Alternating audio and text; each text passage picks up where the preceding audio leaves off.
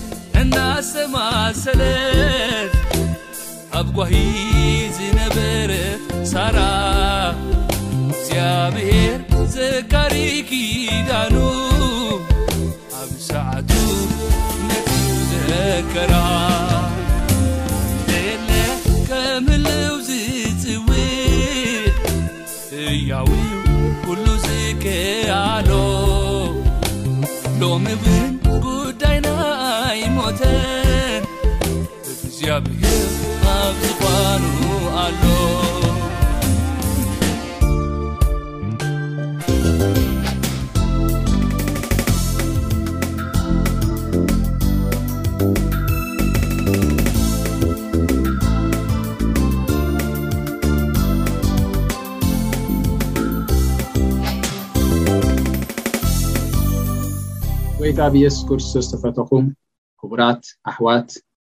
ሰላም ኣምላኽ ንዓኻትኩም ይኹን። ሎሚ ሓደ ኣርእስቲ ሒዘልኩም ቀሪበ ዘለኹ ቅልስ ዲያብሎስ ምስቶም ትእዛዛት ኣምላኽ ዝሕልውን ምስቶም እምነት የሱስ ክርስቶስ ዘለዎምን እዩ። እዚ ኣርእስቲ እዚ ካብቲ ናይ ራእይ ዮሃንስ ምዕራፍ 12 ፍቕዲ 17 ዝተወስደ መለኮታዊ ዝኾነ ቃል እዩ። እሞ ንዓይን ንዓኻትኩምን ደምን ስጋን ስለ ዘይገልጸልና መንፈስ ኣምላኽ ነቲ ቅዱስ ቃሉ ከብርሃልናን ክገልጸልናን ስለ ዝኽእል ብጸሎት ናብ ኣምላኽና ክንቀርብ ኢና። ቅዱስ ኣቦና ምስጋና ዕብየት ግርማ ኩሉ ንዓኻ ይኹን። ኣብዛ ጸልማት ዝኾነት ዓለም እሞ ኸኣ ሕንፍሽፍሽ ዝመልኦ ስሕተት ዝበዝሖ እዋንን ግዜን፣ እንሆ ንህዝብኻ ብተኣምር ጌርካ ትመርሖን ትገልጸሉን ተብርሃሉን ስለ ዘለኻ ኣቦ ነመስግነካ ኣለና ሕጂ ኸኣ እግዚኣብሄር ኣምላኬ ነቶም ዘይፈለጡ ነቶም ዘየስተውዐሉ ንስኻ ምስትውዓል ክትህቦም ነቶም ንቓልካ ዘየስተውዕልዎ ንስኻ ነዒንቲ ልቦም ከተብርህ ኣቦ ንጽልን ንምን ኣለና ንዓ ንቓልካ ግለጸልና ቃልካ ሂወት ኣለዎ ቃልካ ብርሃን እዩ ቃልካ ንናይ ዘልኣለም ርስቲ ክንወርስ ይድርኸና እዩሞ ንቃልካ ክትገልጸልና ንልምነካ ስለ ስም ወድኻ የሱስ ክርስቶስ ኣሜን። ክቡራት ኣሕዋት ኣብ ራኢ ዮሃንስ ብፍላይ ኣብ ራኢ ዮሃንስ እዚ ናይ ራኢ ዮሃንስ ብፍላይ ንዓይን ንዓኻትኩምን ነዚ ናይ መወዳእታ ዘመን እንነብር ዘማላኽት ብዙሕ ጥቕስታት ኣሎ ጥቕስታት ኣሎ ሕጂ እዚ ራኢ ዮሃንስ ከነንብቦ ይግብኣና እዩ፣ ኣብዚ ዘለናዮ ግዜ ብዙሓት ሰባት ንራኢ ዮሃንስ ሸለል ይብልዎ እዮም፣ ግን ራኢ ዮሃንስ እንተዘይ ኣንቢብናዮ እንተዘይ ፈሊጥናዮ ናይቲ ጸረ ክርስቶስ ከመይ ኢሉ ከም ዝመጽእ ክንፈልጥ ኣይንኽእልናን ማለት እዩ። ኣመጻጽኣ ናይቲ ጸረ ክርስቶስ ናይቶም ሓሰውቲ ነብያት ናይቶም ሓሰውቲ መማሃራን ብኸመይ ከም ድመጹ እንታይ እንታይ ኢሎም ከም ድሰብኩ ክንፈልጦን ክንርድኦን ኣይንኽእልናን እሞ ኣብ ራይ ዮሃንስ ምዕራፍ ሓደ ከይድና ክንርኢ ከለና እቲ ዘመን ቀረባ ከም ምዃኑን እሞ ነዚ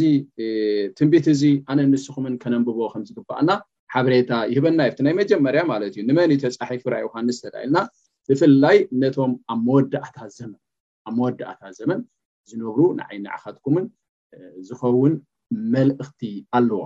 ሕጂ እቲ ቀልጢፉ ክኸውን ዘሎ ንባሮቱ ምእንቲ ከርእዮም ኢሉ ኣምላኽ ዝሃቦ ናይ የሱስ ክርስቶስ ራእይ ብኢድ መልኣኽ ልኢኹ እውን ንባሪ ዮሃንስ ኣርኣዮ ንሱ ንቓል ኣምላኽን ንምስክር የሱስ ክርስቶስን ነቲ ዝረኣዮ ዘበለ ኩሉ መስኪሩሎ እቲ ዘመን ቀረባ እዩሞ እዚ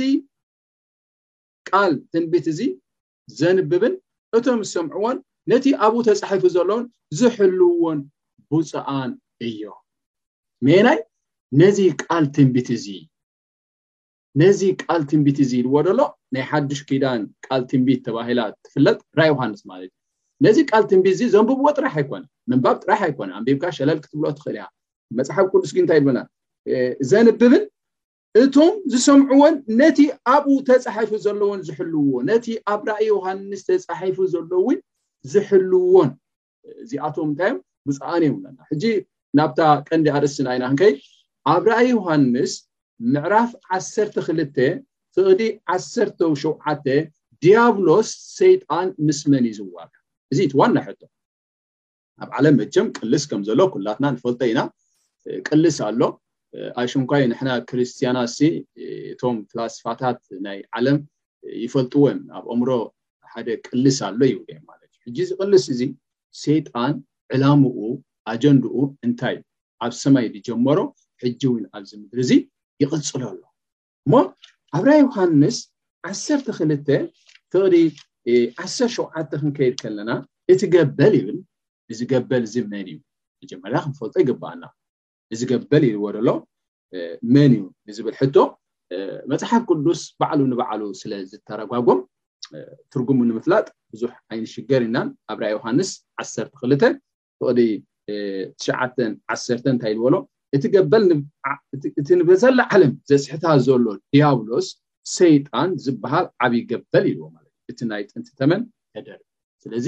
እዚ ገበል ኢልዎ ደሎ ሰይጣን ምዃኑ መፅሓፍ ቅዱስ ባዕሉ ይትርጉመልና ኣሎ ማለት እዩ እሞ እቲ ገበል ከዓ ነታ ሰበይቲ ተቆጣዓ ሰበይቲ ከ እንታይ ማለት እዩ ሰበይቲ ከኣ ብቤተ ክርስትያን እያ ትምሰል ኣብ ኤፌሶን ምዕራፍ ሓሙሽተ እንተ ከይና ነታ ሰበይቲ ከም ምንታይ መሲልዋ ኣሎ ከም ሰበይቲ መሲልዋ ኣሎ ከምቲ ክርስቶስ ንማሕበሩ ዘፍቅራ ከምኡ ከዓ ኣቱም ሰብኡት ኣንስትኹም ኣፍቅሩ እንዳበለ ብዛዕባ ናይ ማሕበሩን ናይ ሂወቱን እንደገና ኣብ መንጎ ሰብኣይን ሰበይትን ዘሎ ብምትሓዝ ከም ጓል ኣንስተይቲ እዩ ዝምስላ ብሉይ ክዳን ተራሪነኻ ጽዮን ድብል ከም ጓል ኣንስተይቲ የሩሳሌም ክብል ከሎ ከም ጓል ኣንስተይቲ ስለ ዝምስላ ሰበይቲ ብቤተ ክርስትያን እዩ ዝምሰል እሞ እዚ ገበል እዚ እንታይ ይገብር ኣሎ እቲ ገበል ከኣ ነታ ሰበይቲ ተቆጣዓ እሞ ምስቶም ንትእዛዝ ኣምላኽ ዝሕልዉን ምስክር የሱስ ሒዞም ዘለዉን ዝተረፉ ዘርኣን ክዋጋ ከደ። ሕጂ ቅልሱ ሰይጣን እምበኣር ምስ መን እዩ እንተ ኢልና፣ ምስቶም ትእዛዛት ኣምላኽ ዝሕልዉን ምስክር የሱስ ዘለዎምን ክዋጋእ ከደ፣ ኣብ ሑጻ ኣብ ባሕሪ ከኣ ደው በለ። ሕጂ ኣብ ራእይ ዮሃንስ ሰለስተ ግዜ ሰለስተ ግዜ እንታይ እዩ ዝብል ኣሎ መሲልኩም ትእዛዛት ኣምላኽ ዝሕሉ ትእዛዛት ኣምላኽ ዝሕሉ ዝብል ሰለስተ ግዜ ኣብራ ዮሃንስ ተጠቒሱ ኣሎ ካልእ ኣብራ ዮሃንስ ዓሰርተ ኣርባዕተ ፍቕዲ ዓሰርተ ክልተ ከዓ ክንከይንና ማለት እዩ እዚ ሕጂ ንዓይ ንዓኻትኩምን ብተደጋጋሚ ኣብዛ ትንቢት ድኣ ዮሃንስ ሰለስተ ግዜ ክደግሞ ከሎ ብዛዕባ ትእዛዛት ናይ እግዚኣብሔር ኣምላኽ ክሳዕ ክንዲ ምንታይ ኣዝዩ ኢምፖርታንት ኣዝዩ ኣገዳሲ ዝኾነ መልእኽቲ ምዃኑ ከነስምረሉ ይግባእና። ዓሰርተ ኣርባዕተ ፍቕዲ ዓሰርተ ክልተ ከንብበልኩም እየ ከምዚ ይብል እቶም ንትእዛዛት ኣምላኽን ንእምነት የሱስን ዝሕልዉ ቅዱሳን ከኣ ትዕግስቶም ኣብዚ እዩ ዘሎ በለ። ነቶም ንትእዝዛት ኣምላኽን ንእምነት የሱስን ዝሕልው ቅዱሳን ከኣ ትዕግስቶም ኣብዚ እዩ ዘሎ ሕጂ ክልተ ነገራት እዮም ትእዛዛት ኣምላኽ ብዘይ እምነት የሱስ ዋላ ሓንቲ ትርጉም የብሉ ከም ናይ ፈሪሳውያን እዩ ንኸውን ባዕሎም ፈሪሳውያን እምነት ተዘይሃሊካ ትእዛዝ ክትሕሉ ይትኽእል እኒሃ ማለት እዩ መጀመርያ ሰብ እንታይ ክገብር ኣለዎ ክኣምን ኣለዎ ብክርስቶስ ክኣምን ኣለዎ ሓር ምስ ኣመንካ ከ ትእዛዛት ኣምላኽ ዝሕሉ ሕጂ እዚኣቶም እንታይ ኢልዎም ኣሎ ቅዱሳን ኢልዎም ኣሎ ቅዱሳን ኢልዎም ኣሎ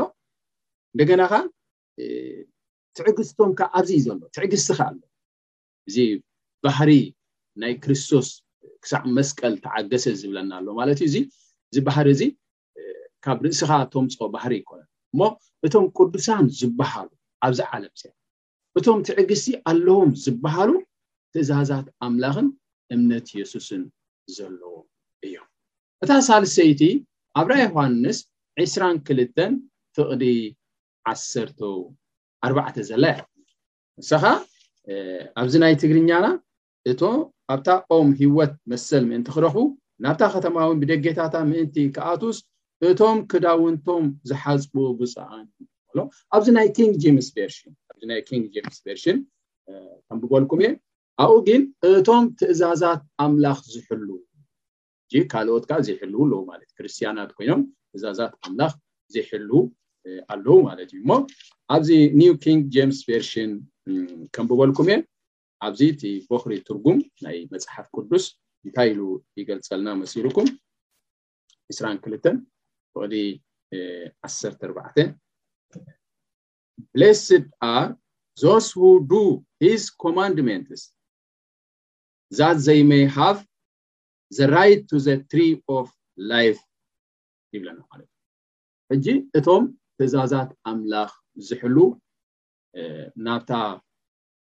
ኦም ህይወት ናብታ ቅድስቲ ኸተማ ክኣትዉ መሰል ኣለዎም እዩ ዝብል እሞ ኣብታ ኦም ህይወት መሰል ምእንቲ ክረኽቡሲ ናብታ ኸተማ ወይ ብደጌታታ ምእንቲ ክኣትዉስ እቶም ትእዛዛት ኣምላኽ ዝሕሉ ብፁዓን ብሩኻት እዮም ብፁዓን እዮም ማለት ብሩኻት እዮም ሕጂ ኣብ ራእይ ዮሃንስ ሰለስተ ግዜ ተጻሒፉ ኣሎ ሰለስተ ግዜ እቶም ትእዛዛት ኣምላኽ ዝሕሉ እቶም ትእዛዛት ኣምላኽ ዝሕሉ እቶም ትእዛዛት ኣምላኽ ዝሕሉ ክብለና ከሎ ክሳዕ ክንዲ ምንታይ ኣገዳስነት ከም ዘለዎ ኣነ ንስኹምን ክንርዳእ ይግባኣና እሞ ዲያብሎስ ሰይጣን ካብ መጀመርታ ካብ ሰማያት ሒዙ ካብ ኤደን ገነት ኣይኮነን ካብ ሰማያት ሒዙ ዲያብሎስ መፍረሲ ሕጊ እዩ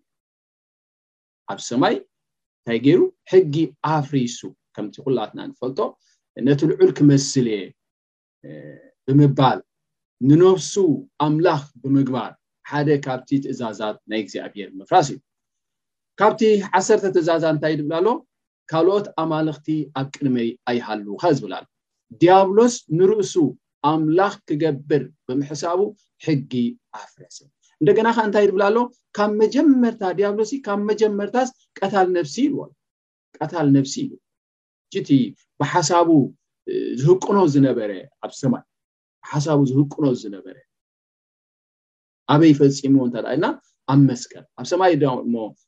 ሰይጣን ነፍሲ ቀቲሉ እዩ እንተ ኢልና ኖ ኣይቀተለን ግን ብሓሳቡ ግን ድሕቅኖ ዝነበረ ድሕልኖ ዝነበረ ኣበይ ፈፂምዎ ኣብ መስቀል ንጎይታናን መድሓይና የሱስ ክርስቶስ ክቐትሎ ካብ ህፃኑ ትሒዙ ፈቲኑ እዩ ፈቲኑ እዩ ኣብራ ዮሃንስ ዓሰርተ ክልተ ይርየና እዩ ነታ ተባዕታይ ውላድ ዝወለደ ሰበይቲ ነቲ ውልዳ ክቐትሎ ወይ ከዓ ከጥፍኦሲ ክንደይ ከም ዝፀዓረ ኣብ ራእ ዮሃንስ ምዕራፍ ዓሰርተ ክልተ ካብ ፍቕዲ ሰለስተ ቢሉ ኣሎ ማለት እዩ ስለዚ ንሱ ካብ መጀመርታ ትሒዙ መፍረሲ ሕጊ ንሓሶት ኣቦኣ ኢልዎ ኣለዎ ጎይታና የሱስ ክርስቶስ ኣይትሓሱ ዝብል ከዓ ተዓሰብ መዛታት ኣሎ ቀታል ነብሲ ኢልዎ ኣለዎ ብዘሎ እቲ ሕጊ ሲ የፍርስ እዩ እንደገና ከዓ ሰብ ንዕኡ ከምልኾ ይደሊ ገርመኩ እቲ ሕጊ ግን እንታይ ድብል ካልኦት ኣማለኽቲ ኣብ ቅድሚ ይሃልውካ እዩ ኣብ ማቴዎስ ምዕራፍ ኣርባዕተ እንተ ኢልና ርኢና ፍግም ኢልካ እንተሰጊድካ ኣሎ ኢልዎ ንመን ንጎይታና ንመርሓይና የሱስ ክርስቶስ ነቲ ሰማይን ምድርን ዝፈጠረ ኩሉ ስልጣን ኣብ ኢዱ ዝሓዘ ንሱ ክሰግደሉ ምምናዩ ስግደት ይደሊ ስቲል ክሳብ ሕጂ ማለት ሰባት ክሰግድሉ ይደሊ እዚ ኸኣ ካልኦት ኣማልኽቲ ኣብ ቅድመ ይሃልውካ እንደገና ኸ ንኻልእ ኣይትስገድ ንዕኡ በይኑ ጥራሕ ስገድ ዝብል ፅሑፍ ኣሎ ንምባል ጎይታና ንመድሓኒና የሱስ ክርስቶስ መሊስሉ ማለት እዩ ሕጂ እንታይ እዩ ዲያብሎስ ካብ መጀመርታ ኣትሒዙ መፍረሲ ሕጊ ሕጂ ከኣ ኣብ ኤደን ገነት ጀሚሩ ከኣ ስቲል ክሳብ ሕጂ ሰባት ሕጊ ንኸፍርሱ እዩ እቲ ዋና ዕላሞ ማለት እቲ ፔንሽን ናቱ ትእዛዛት እግዚኣብሄር ክፈርስ ኣለዎ ንምባል ንእምሮ ደቂ ሰባት እንታይ ይገብር ኣሎ የባላሹ ኣብ ኤደን ገነት ንኣዳምን ሂዋንን እግዚኣብሄር ሕጊ ሂቦም ኣዘዞም እዩ ትብለና ካብዚኣ ምስ ትበልዑ ሞት ክትሞት እዮም ስለዚ ካብዚኣ ኣይትብልዑ ኢሉ ኣዘዞም እዩ ዝብለና ኣብ ዘፍጥረት ምዕራፍ ክልተ ነዛ ኣዘዞም ትብል ቃል ንምፍራስ ከዓ ሴጣን ከዓ ብዙሕ ጥበባት ብምጥቃም ነቲ ጎራሕ ዝነበረ ካብ ኩሉ ኣራዊት ተመን ወይ ከዓ ገበል ብምጥቃም ንሄዋን ከስሕታ ከሎ ማለት እዩ ሕጂ እቲ ዋና ዕላምኡ እንታይ እዩ ካብቲ ትእዛዛት ናይ እግዚኣብሄር ሽፍቲ ክንገብር ናብ ካልእ ኣንፈት ንክነብል እዩ እቲ ዋና ዕላማ ናይ ዲያብሎስ ማለት እዩ ሕጂ ናይ ሎሚ ሰበኽቲ እንታይ ኢሎም ክሰብኩ ይግባእ እንታይ ኢልና ክንሰብኽ ይግባእ ኣነ ንስኹም ኣንጻር ሰይጣን እንታይ እቲ ኣንጻር ሰይጣን ኣንጻር ሰይጣን ማለት ፍቓድ እግዚኣብሄር ክንገብር ከም ዝግባእና እቲ ፍቓድ እግዚኣብሄር ከንታይ ትእዛዛት ናይ እግዚኣብሄር ኣብ ትንቢት እሰያስ ሸሞንተ ዒስራ፣ ናብ ሕግንን ናብ ምስክርን ከምዚ ዝኣመሰለ ቃል እንተ ዘይተናገሩ ብሓቂ ወጋሕታ እዩ። ኣነን ንስኹምን ብዛዕባ ምድሓን ብእምነት ብየሱስ ክርስቶስ ምዃን፣ ሕጊ እግዚኣብሄር ከኣ ኣገዳሲ ምዃኑ እንተ ዘይተዛሪብና፣ እንተ ዘይሰቢኽና ወጋሕታ እዩ። ምኽንያቱ ኣንጻር ሰይጣን ክንከይድ ኣለና። ኣንጻር ሴጣን ክንከይድ ኣለና ሴጣን ሕጊ ይፍረስ እዩ ዝብሎ ኣሎ በቃ ሕጊ ክፈርስ ኣለዎ እዩ ዝብሎ ኣሎ ንሕና ኸ ኖ ሕጊ ክፈርስ የብሉን ነቲ ሕጊ ብእምነት ደኣ ነደልድሎ ክንብል ኣለና ከምቲ ሃዋርያ ጳውሎስ ኣብ ሮሜ ገሊጽዎ ዘሎ ነቲ ሕጊ ብእምነት ደኣ ክነደሎ ኣሎና ኢልና ክንዛርብ ኣለና ከምዚ ኢልና እንተዘይተዛሪብና ኣነ ንስኹምን ወገን ናይ ሴጣን ደጊፍናዮ ኣለና ማለት እዩ እወ ንብል ኣለና ማለት እዩ ሕጂ እንታይ እዩ ብተደጋጋሚ ኣነ ንስኹምን እቲ ዋና ቀንዲ መርኣያና ዝኾነና መን እዩ እንተደኣ ኢልኩም ክርስቶስ ክርስቶስ ብኩሉ ብትውክልቲ ይኹን ብእምነት ይኹን ብምእዛዝ ይኹን ብጸሎት ይኹን ብምስባኽ ይኹን ብምምሃር ይኹን ናተይ ናትኩምን ሞዴል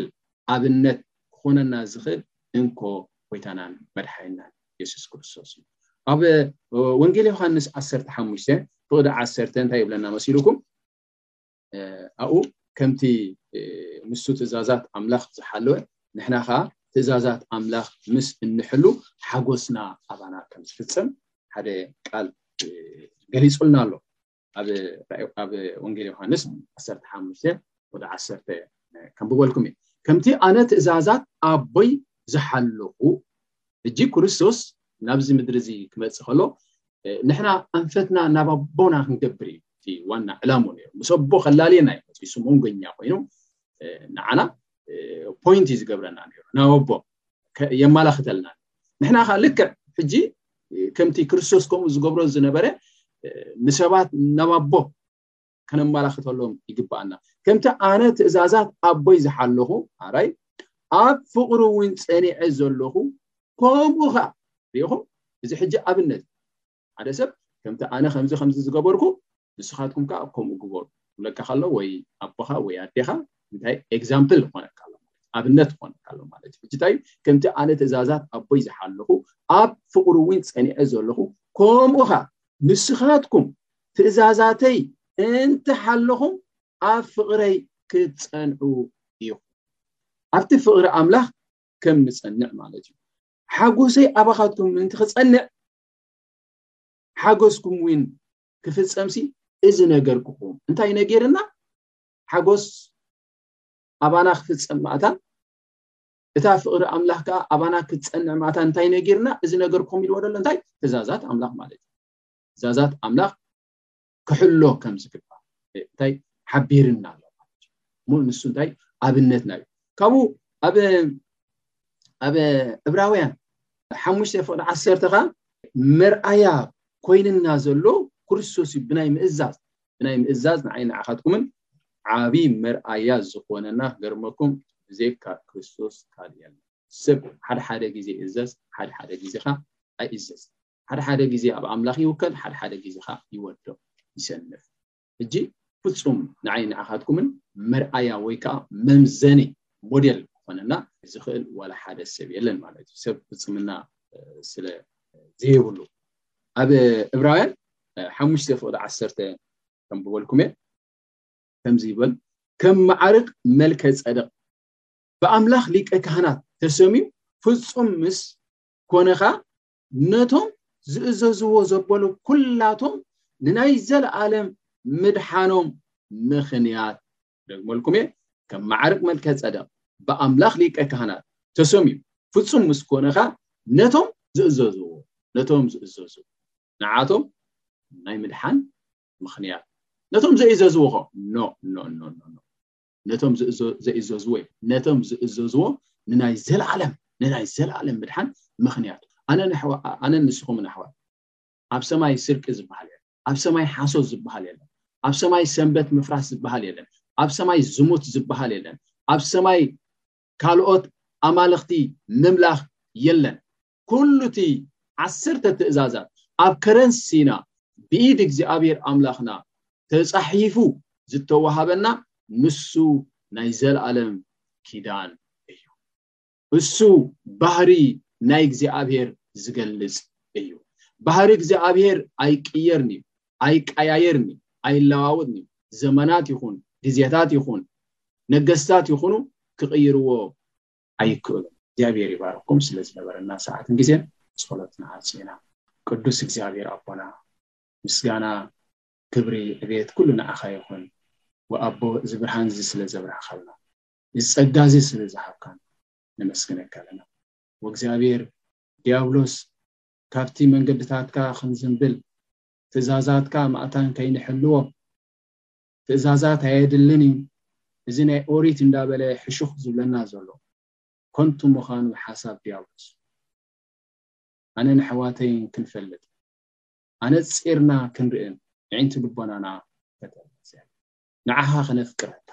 ንዓኻ ክንእዘዘካ ንስኻ ኣብ ልዕሌና ክትጎይትብ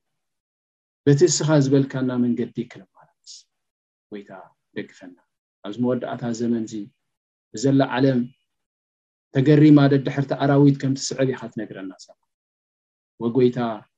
ኣነ ንሕዋተይን ካልኦት እውን ኩሎም ህዝብና ንዓኻ ክፈልጥ እግዚኣብሔር መንገድታትካ ክመላለስ ንዕንቲ ህዝብና ንስኻ ክበ ንዒንቲ ልቦናና ንስኻ ብንጹር ክንመላለስ ንዓኻ ክነፍቅረካ ጎይታ ደግፈና